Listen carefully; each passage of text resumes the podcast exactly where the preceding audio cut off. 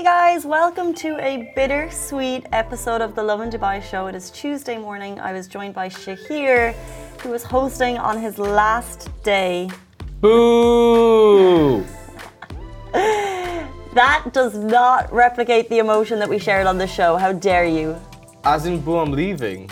Yeah, but come on, it was sweet. It's awfully sad. Today's my last day at Lovin. So, guys, thank you for everything in the last two and a half years. Um, Casey, thank you for the surprise on the show. Can I thank you because the show ended like 15 minutes ago, guys, and we're sitting here waiting to do the podcast, and it's very warm, and Shahir is clearly sweating, but he's sitting through it. I'm sweating so, so much, mainly because of the anxiety of having my face projected in the LED screen. So, if you want to watch the live show with all the beautiful graphics, you can watch it on Twitter forward slash X, Facebook, YouTube, our website. Um, we spoke about people queuing all night for the new property launch in Dubai, and residents um, are looking for advice on how to raise kids with gratefulness and gratitude and appreciation. We talked about the seven Emirate road trip and all things Supercross ahead of the FIM World Supercross Abu Dhabi Grand Prix. It's coming to the Etihad Arena November 4th and November 5th. Please take a listen.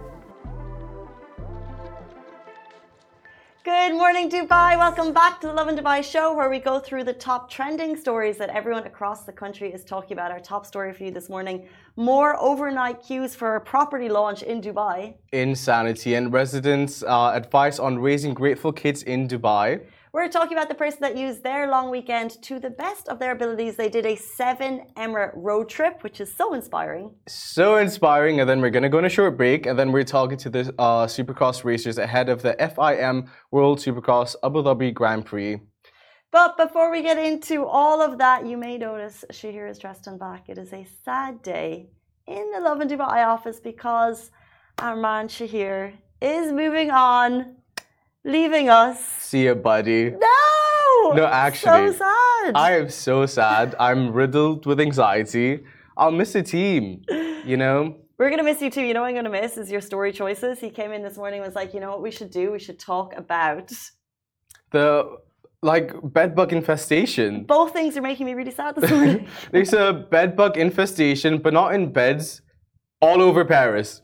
All over Paris. It's insane to me. This is in cinemas. This is in tubes, people's beds, and everywhere in between. The mayor, the mayor of Paris said, no one's safe. No one is safe from the bed bugs. That is what it concerns me. Oh my days, look at the screen. That is not funny. Why would you do that? Do you not look great? I absolutely don't. So Shahir's a vibe, and I want to tell you my favorite Shahir of all of the Shahirs is the one that's been caught clearly doing something on his phone. Because whenever uh, we obviously work on our phones so much, whenever you pass your phone to Shahir or vice versa, he's like, "Oh wait, let me just check it. let me just." Some Let me just check everything that I've done on my phone before I can pass it to you. So my favorite Shahir is the one on the right that's been caught with his phone. I think that's the most candid here. I was probably on a dating app there. that's the most candid Shahir. What about the middle one? it, I can ride it while you slipping and sliding. I can do all them little tricks and keep it up inside it. You can it, you can grab it, you can go down and kiss it. And every time he leave me alone, he always tell me he miss it. He wanna Oh my god! I feel Guys, don't Come, make me come, cry come, on come. lot. Cheetos. And we are all dressed as Shahir. I think. yeah. It's a sad day. Taz, come in, come into frame. The whole office is here, but they don't want to show themselves. Guys, Cheetos? the brave ones are eating Shahir's Okay. snack for breakfast. There's no need to zoom in. Let's not do this this early in the morning. Guys, thank you so much. I'm covered for tomorrow, the day Mm-hmm. after, the day after that, the day after that, the day after that, the day after that, and the day after that, and. Well, I These are have- for the show. Okay, These sure, are yeah, for sure. fine. It's only fair. Thank you. But whose idea was that? Okay. I'm, well, Explain yourself. I think the dressing as Shahir was the best thing because Shahir. Guys, oh, look at Taz. Thank you guys. I need that back. Only half. Thank you, guys. Shahir is also a fashion icon. Yeah. Well, it goes without saying. Do you hate my outfit? I love is- your outfit. This is literally you. You're getting hipper by the day. It's a choker. Uh huh. It's a baggy shirt. It's baggy trousers that don't match. I mean, the Birkenstocks we can do without, but whatever. You tried. They God can't- loves a I trier. can't see. Thankfully, no shade, no shade. The Birkenstocks are very cool, very now. Taz will agree. And they're all Right. also all dressed as Shahir. Guys, thank you so much. Why is everyone wearing black? Except for that. I actually did ask if everyone could come dressed as if they're going to a funeral. ah, we both did the same. Well, Thank you guys. no, you Um, can stop zooming in now. Like, no, no, we can stop that. We can stop that, please. Oh, okay. A massive thank you to Shahir Oh, for bringing you. so much great energy and positivity to our office. People love you, and we'll be miss you very much. I love you guys more. They're honestly, I'm trying to hide them, but like, Oh, they're yours. They were a gift. Thank you. I 50 dirham, honestly- that whole thing. No way. Yeah, Export too, by the way. Yeah. They didn't cheap out. exactly. Thank 50 you so much. Like, you can you get me back at any time. The Nicki Minaj, the Cheetos, the all black everything, and you. that. Thanks, buddy. We do have to jump into our stories. No, we don't. So, for the very last time, uh, Shahir and I will bring you our top stories today. We're talking all night long queues for a property launch.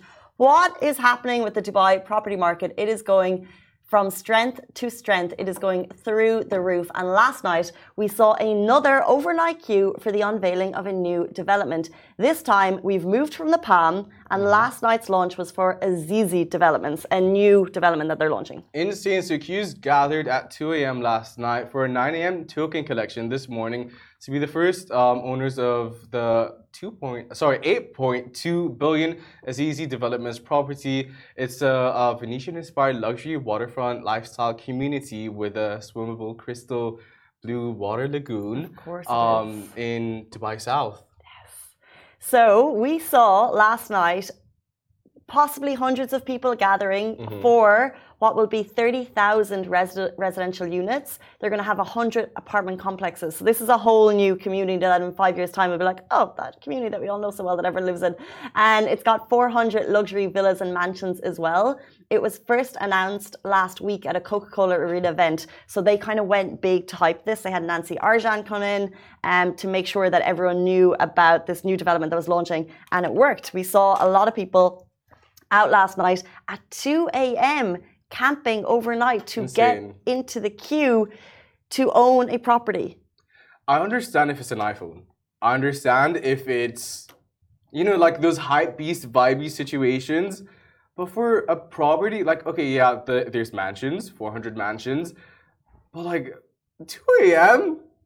until 9 a.m. for a token, it's beyond me. I don't think I'd do it for a property. Just build. You can literally build exactly what you want, customize it the way you want, and you're not gonna have to spend seven hours of your life stood in a queue. That's how I feel about it. True, but I guess this is real money. These properties are not built yet, and this is real money that put it, people are putting down. They're looking at it as an investment. Mm-hmm. And we had a uh, finance expert on the show uh, last week, and he said, you know, people need, do need to look beyond real estate for their investment opportunities, their investment choices. But I think it's still very common for people to look at a real estate as an investment. It's an off-plan property, so you're going to get a little bit cheaper, of course, than when it's built. Mm-hmm. And people are betting on the city. And also, the location is very important to note down. Like, we've had so many people, just like in the industry, say how that side of Dubai is slowly but surely developing. So, in terms of your finances and going for something that isn't as excruciating to the bank account, like just that side of Dubai, the Jebel Ali, South Dubai, um, Arjan, all that area is where it's Poppington as of now. I'll, I'll have you know. And of course, when we see the Al Maktoum airport open up fully, uh, that's going to be the biggest, what they're aiming for, the biggest commercial uh, airport in the world when Yeah. it gets fully up and running. So that part of town is going to be, as you said, live and kicking. Um, so everyone who was out there last night, I'd love, if you were watching the show, uh, tell us, did you get your token? And what property are you going for? Give us inspo. What would you wait in queue for if it wasn't properties or an iPhone? In Q4, did you say? No, what would you queue for? Okay. On the brain. Good morning. Um, yeah, I- what would it be? I would queue for uh, specific concerts. Okay. Robbie Williams is coming, Okay. and the basic tickets are sold out. and I would love to be going to Robbie Williams. I would actually queue for Robbie Williams. There's specific concerts that you just know are going to be memorable. Anyone has Robbie. Williams tickets at the regular ones, not the really fancy ones, and they're selling them, I'm available to buy. Throw a bone. What would you queue for? It would have to be someone I really, really like. I think either Nicki Minaj or The Strokes. Yeah, the Strokes. Of course, you would queue Oh, for Nicki Minaj. You're so hip. You're so hip. The Strokes are cute. Rubbing off on me before you leave. uh, so Nicki Minaj concert tickets. Of course, Nicki is not uh, coming. We cannot be. We're not bringing you that news. Like, by the way, what's that about, Nixon? Like, explain yourself. Well, I think she might be. Like, she has a new album coming out, World Tour. No one asked for this, but I'm elaborating anyway. But Nicki Minaj, I queue for. The Strokes, I would queue for a million times. Mm. I've seen them once, and I like it was. I never had music speak to me that way. This is the thing about concerts that they can Mhm. really, but also a home, if I could afford it, would probably speak to me too. Yeah, yeah, yeah. yeah. Um, speaking of investments, we're jumping into a hot topic. We're talking about childcare and why it's important to raise kids in a certain way. Yeah, so this question came up on Reddit, sparking a discussion amongst parents specifically. So um, they wanted to figure out how to raise their kids with the right values and priorities. And then a savvy nanny chimed in with advice that um, Reddit couldn't help but applaud. She says, just be there for your kids. In a world where nannies are helpers and often play a significant role in the children's lives, this nanny's message was clear. Just um, because you have the help doesn't mean that your nanny should replace in parenting. It's about being there physically and emotionally for the kids. And um, the saying goes, presence is a press is I messed it up. Presence is a best present. So true. So true. So true. Uh, I think it's you know the question was you know what can you do? And it's the nanny is saying just be there you know? Like you simply being there and being present with your kids not on your phone makes all the difference. And just really listening to them and hearing them which uh, brings us back to the interview that we had with dr saliha Afridi last week who is the founder of the lighthouse arabia um, and she looks a lot at kind of mental health for kids. And she just said just be with your kids. Yeah. and it's not about saying, hey, how are you? It's actually just being friendly Yeah. and understanding them. So they may not open up to you on the first go, but if you're with them uh, consistently, then you'll understand a bit more about their lives. Yeah. So, but in this case, the nanny who jumped into the conversation, she suggested make memories with your kids that don't heavily rely on material possessions. So, memories don't necessarily mean going to Disneyland. In a city where the culture often revolves around travel and material distractions, find moments of genuine connection. Um, and that becomes even more valuable. So the nanny's advice extends to teaching basic life skills. I think this is so great, like cooking and cleaning. Uh, Dubai sometimes might feel like a bit of a bubble, but these skills will benefit your kids later in life as well if uh, they choose to settle elsewhere. Yeah, kids often mirror the household culture. Growing up in a materialistic environment makes them more likely to adopt the same values. Therefore, being present as a parent is crucial. Help them understand the values of earning rather than simply receiving. Whilst providing for your children is great, there is a fine line between caring for their needs and supporting them. I truly have a lot of thoughts to almost every sentence we spoke. So, parents aren't just going to get nannies and um, just people that help in the house for the sake of not wanting to spend time with their kids.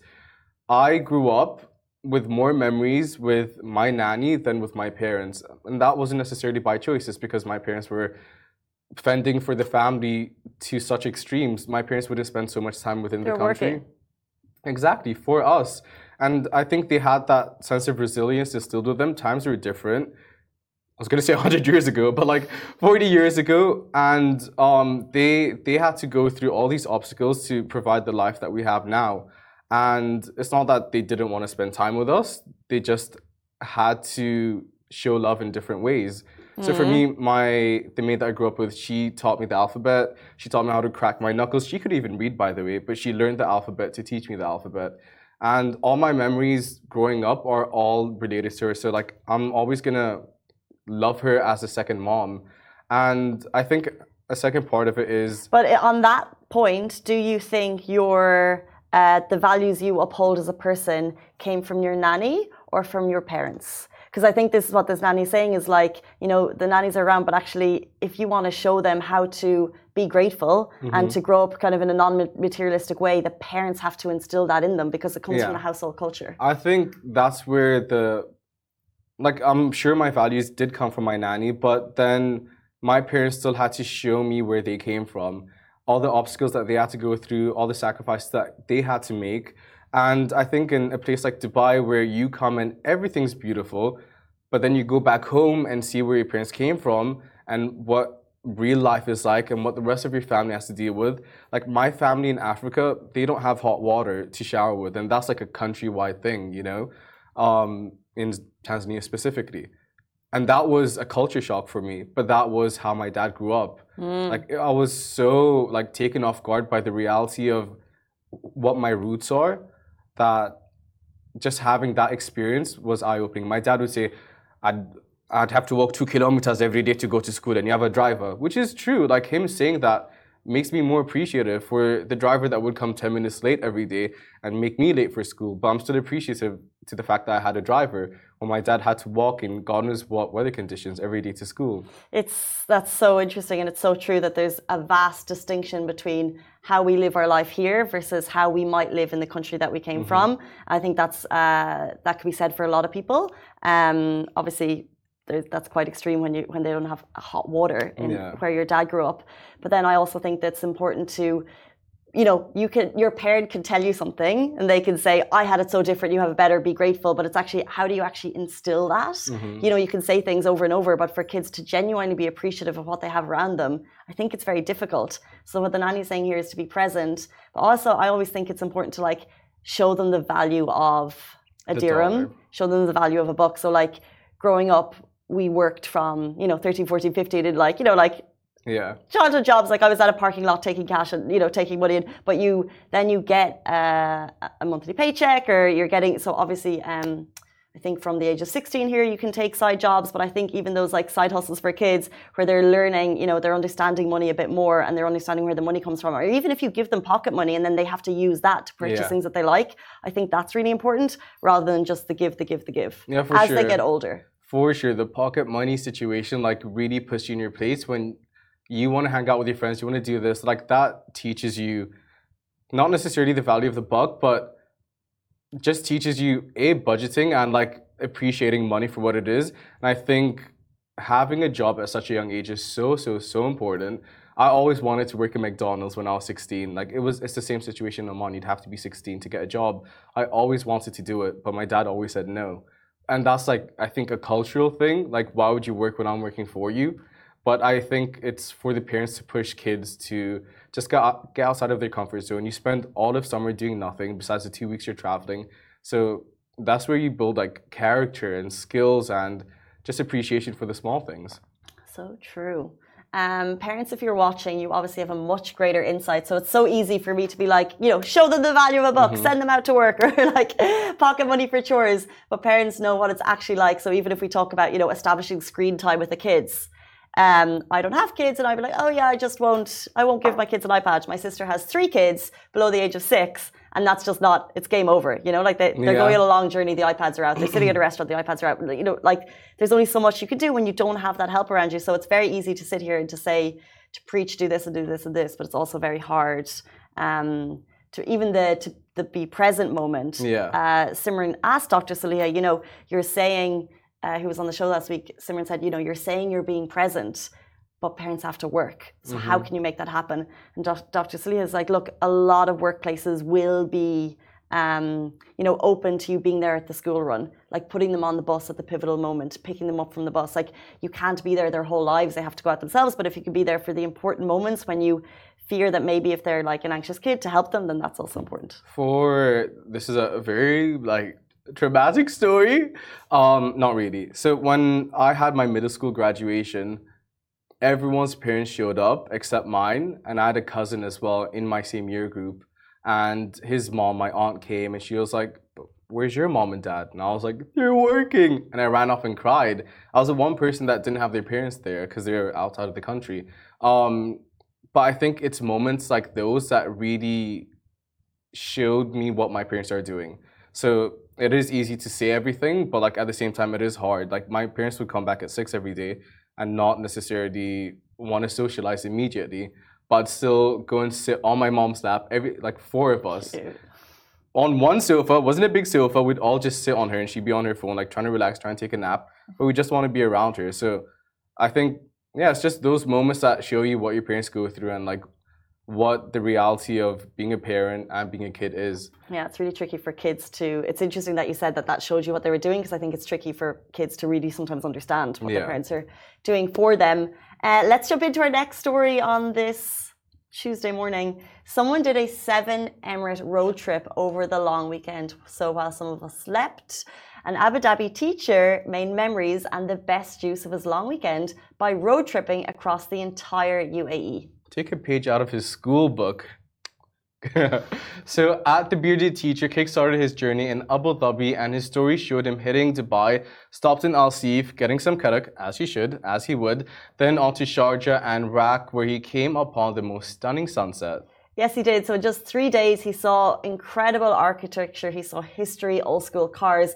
He even assisted a roadside cleanup, which we came upon in RAK, uh, which we shared on a Love and Rack page. He said it was a very long drive and a memorable one. And this is a reminder to everyone we have one life to live. It's amazing to see people making the very most of this incredible country as the temperature slightly drops. By the way, an Abu Dhabi teacher, I used to be an Abu Dhabi teacher. Where do you teach? Oh my god, at the bearded teacher, let's connect. Choueifat, yeah. Choueifat, honestly, is a whole nother level. It is a like, it's like the school vibes give such like movie vibes. Do you do, do you think that? Choueifat's its own like can of worms, is what I'm saying. I mean, I don't, I don't really, I didn't go to school here, so I don't have Oh, the yeah, other okay. schools to. I. And I was a Choueifat teacher for Yeah. four years, and I didn't go beyond that. So what do you mean by that? Choueifat's so on it, like on another level. Like the amount of What work, does that mean? as in like where's the social life for the kids? Got but in the best okay. way possible, like having exams every day and everything. You know, like m- all my friends that went to Choueifat ended up with the highest grades out of anyone else I know. Um, back it is a very teacher. true. It is a very intense uh, learning curriculum Mm-hmm. from the day that the kids arrive in school when they're in uh, kindergarten. KG one, KG two, grade one. We have exams every two weeks. Yeah. Um, but bearded teacher, let us know where you teach. But also, uh, so if you followed his stories, and he's got a highlight reel up on his Instagram, kicked it off in Abu Dhabi, Dubai, Sharjah, Iraq, and he showed that journey, and it was I think maybe four.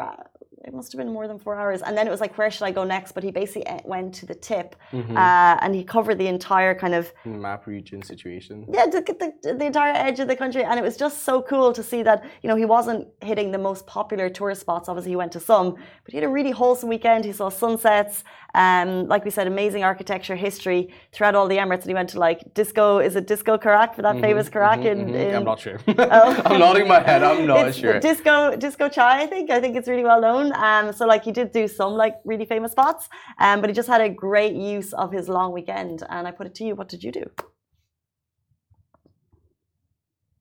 Nothing. Nothing. Literally nothing.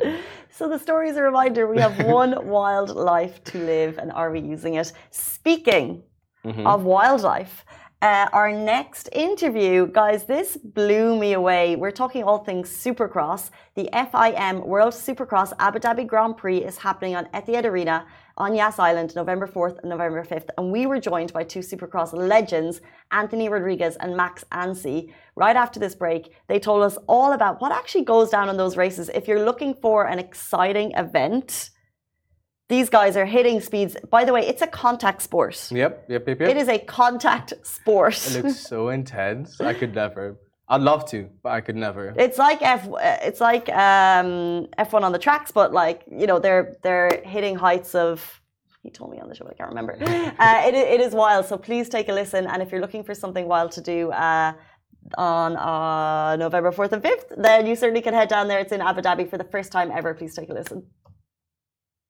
Welcome back to the Lovin Dubai show. Calling all Supercross fans, Abu Dhabi is hosting its first ever international Supercross event, the FIM World Supercross Abu Dhabi Grand Prix on November 4th and 5th. It's all happening down at the Etihad Arena on Yas Island. And here to tell us more about it, we're going to be joined by two Supercross superstars, Anthony Rodriguez and Max Anstie. Thank you so much for joining the show. How are you guys doing? Doing well, thank you. Cheers, Babazon. Not at all. I, I appreciate your time, guys. Welcome to the UAE. Have you had a chance to get out and get some practice ahead of the event? Yeah, we've been out. We, we managed to get out of the desert a little bit yesterday. Um, we're, we're feeling it. Anthony's had a good look around. Uh, yeah, we're loving it here. What's the terrain like? Uh, what's it like going as fast as you can on the UAE dunes? Like, it must be pretty exhilarating. Yeah, it's definitely something I'm basically put it off. Then it's looking behind on our sport. It was definitely a fun activity to do yesterday. Uh, for the race, it's actually something we never get to see the third or the track that we're racing until the day of the race. So that's something that we have to be proactive and break the track quick. So that's another challenging part of the sport as well. Massively. So you have no idea what the loops are going to be. It's not like F1 where you go to get practice. You don't know what's coming up on the day. Yeah, not at all. We get 15 minute practices. Yeah, yeah, exactly. Uh, got to learn fast. Well, so as in, can you describe what a Supercross event is like to us? Like I said, it's the first time it's coming to Abu Dhabi, so you need to give us a rundown of what's actually going to happen on the day. So, Supercross, we uh, we have qualifying in the morning. We, we're race, racing dirt bikes um, in the stadium. The track is, I don't know, between uh, 45 seconds and a minute uh, and a minute long. Um, we have qualifying, and then we go into our races, our main event racing. There's uh, there's big showing between all of that. There's pyrotechnics, DJs, um, free start events, and then uh, the 20 of the best um, you know, the, the world's fastest supercross races uh, in the 250 and 450 class um, go go racing it, and, uh, and we try and go as fast as we can and and uh, not not crash and uh, and end up getting to the finish line. Uh, finish line that front place. There's jumps and and and a track. We've got you know uh, the three main events. Um, yeah, it's going to be very intense. Uh, a, lot of uh, a lot of hard racing. Unlike uh, an F1 or uh, or car racing, it's you know contacts allowed in our sport. So uh, yeah, that's that's the way we move forward and, and pass guys. You know, without taking yourself out, you've got to yeah be able to jump and, and pass the guys as fast as you can. So, so yeah, I'm going to stop you right there. You're allowed contact in the middle of this race. What speeds are you going? You're saying the bikes are allowed to touch, you're allowed to push people out of the way? Yes, to an extent, there was a limit to it. Um, there's rules to it. You can do what's called a block pass. You cannot do what's called a T-bone. A block pass is where you cut the guy's slide. So basically, you're making him brake. Um, you are allowed to hit as low as your front wheel is ahead of his knee, basically. And if you hit him be, below or behind the knee, that's not allowed. But um, yeah, it can get very tactical, and some people end up going down. I think be surprised. There's a lot of contact that actually goes on. That's pretty hard hitting in ourselves, and nobody goes down or because we grow up learning how to take a hit or take a hit. So, what would your strategy, if you make it to the top 20, um, what would your strategy be for that final race? Are you just saying go as fast and hard as I can? Are you looking at other competitors? Are you planning to bring someone down? Like, are you guys rivals or are you mates on the track? it's the start. The start is is very important. Now, unlike a car race, um, even if you qualify first, you start on a on a straight line. So we start on grid straight instead of having first place um clearly ahead. Some of the the line selection gate better for for a guy who qualifies first, but that guy still is not guaranteed to get uh first place start. So um the fastest guy could be coming to pack. Um and yeah, it's it's get out the gate, get out front, and uh, and and try and sprint would be the easiest way, but that doesn't always happen. Um, so yeah, you've got to plan your passes, move forward, and, and be smart, and not not do anything uh, too silly. But in in this uh, intense sport, you know, there's going to be clashes and, and people. There's carnage everywhere, so you've got to try and avoid that. So, logical, but taking risks all at the same time. Love it. Um, so, you're in the UAE. We have epic terrain for motocross, for supercross. How do you get into the sport? Like, how long have you guys been doing it to get to peak level? For anyone watching, if they want to join, um, how do you get involved? Well, I'm a second generation racer. Uh, my dad did my first bike when I was four years old, and I've been doing it ever since. Uh, but it's not that difficult to get into it if you don't know about the sport. There's plenty of trainers out there. Uh, the community is very welcome, welcoming. So if you got questions to ask, just park next to the rider of the track, and they'll lead the way. Uh, It's not that difficult, actually. It's pretty easy to get into the sport. What becomes difficult is to get to a level. It's something you have to do like any other Olympic sport. I mean, we train minimum of five, five to six days a week, whether that's on the bike or on the gym. We have trainers, diets, uh, fitness is a big part of it. Um, it's very demanding sport. My average heart rate for a 20 minute moto is around 195 to 200. So it's a lot more intense that people get to see from the outside. Wow. a lot about yourself, Max? How did you get involved? Yeah, same, uh, same, same kind of thing. I was three years old and could never remember a time without bikes in my life. You know, uh, I uh, can't remember anything before bikes. So, so that's it. I, apart from being injured here and there and having, having some weeks off uh, for that, it's, yeah, I, have always been private training and it's kind of what I was meant to do. And here we are. Tell me uh, quickly before we get back to the event, what speeds are you going? How high are you jumping? And do you know what's going through your mind when you're pulling off those types of stunts? No, we've been doing it. We've been doing it for a long time. It just comes natural to us. It's more of a muscle memory thing. Triple jumps are around 75 points, I believe. Um, they're similar from track to track, so you kind of know how fast you need to hit it. Uh, you have something to add to that? I mean, two, three stories up in the air, uh, and I mean, yesterday, but we've gone pretty fast on the uh, on the F1 track. We, we got to do uh, to do a tour of the F1 track on our bikes and done a few wheelies down the straight. And um, epic. Yeah, I don't actually know the the top speed, but the, the bikes are, are going pretty fast. Um, and and it's, it's very close. That's the thing. Like we could be this far off each other, jumping a jump that's seventy five feet, uh, and three stories in the air. So, um, yeah, it's tight, very tense. You don't want to make a mistake in that scenario, especially when you're in the air. It's, it's a long way to fall. Yeah, our wheels are almost off the ground more than they are on the ground, so we're not going that fast. It's a very difficult sport, so it's more about technique and stuff like that. Where it differs a little bit from motocross, where you get to go a little fa- faster because you're outdoors. Supercross is more like jump, jump, jump, turn, jump, jump, jump. Acceleration, oh, acceleration, and short, sharp stuff. You know, I, ha- I, have to be honest, I'm learning a lot more about Supercross as I chat to you guys, and I'm waiting for the Netflix show like tennis, golf. Yeah, but this sounds like so thrilling. Um, very quickly, 4th and 5th of November at the Etihad Arena, the FIM World Supercross Championship is coming for the very first time. What can we expect as an audience?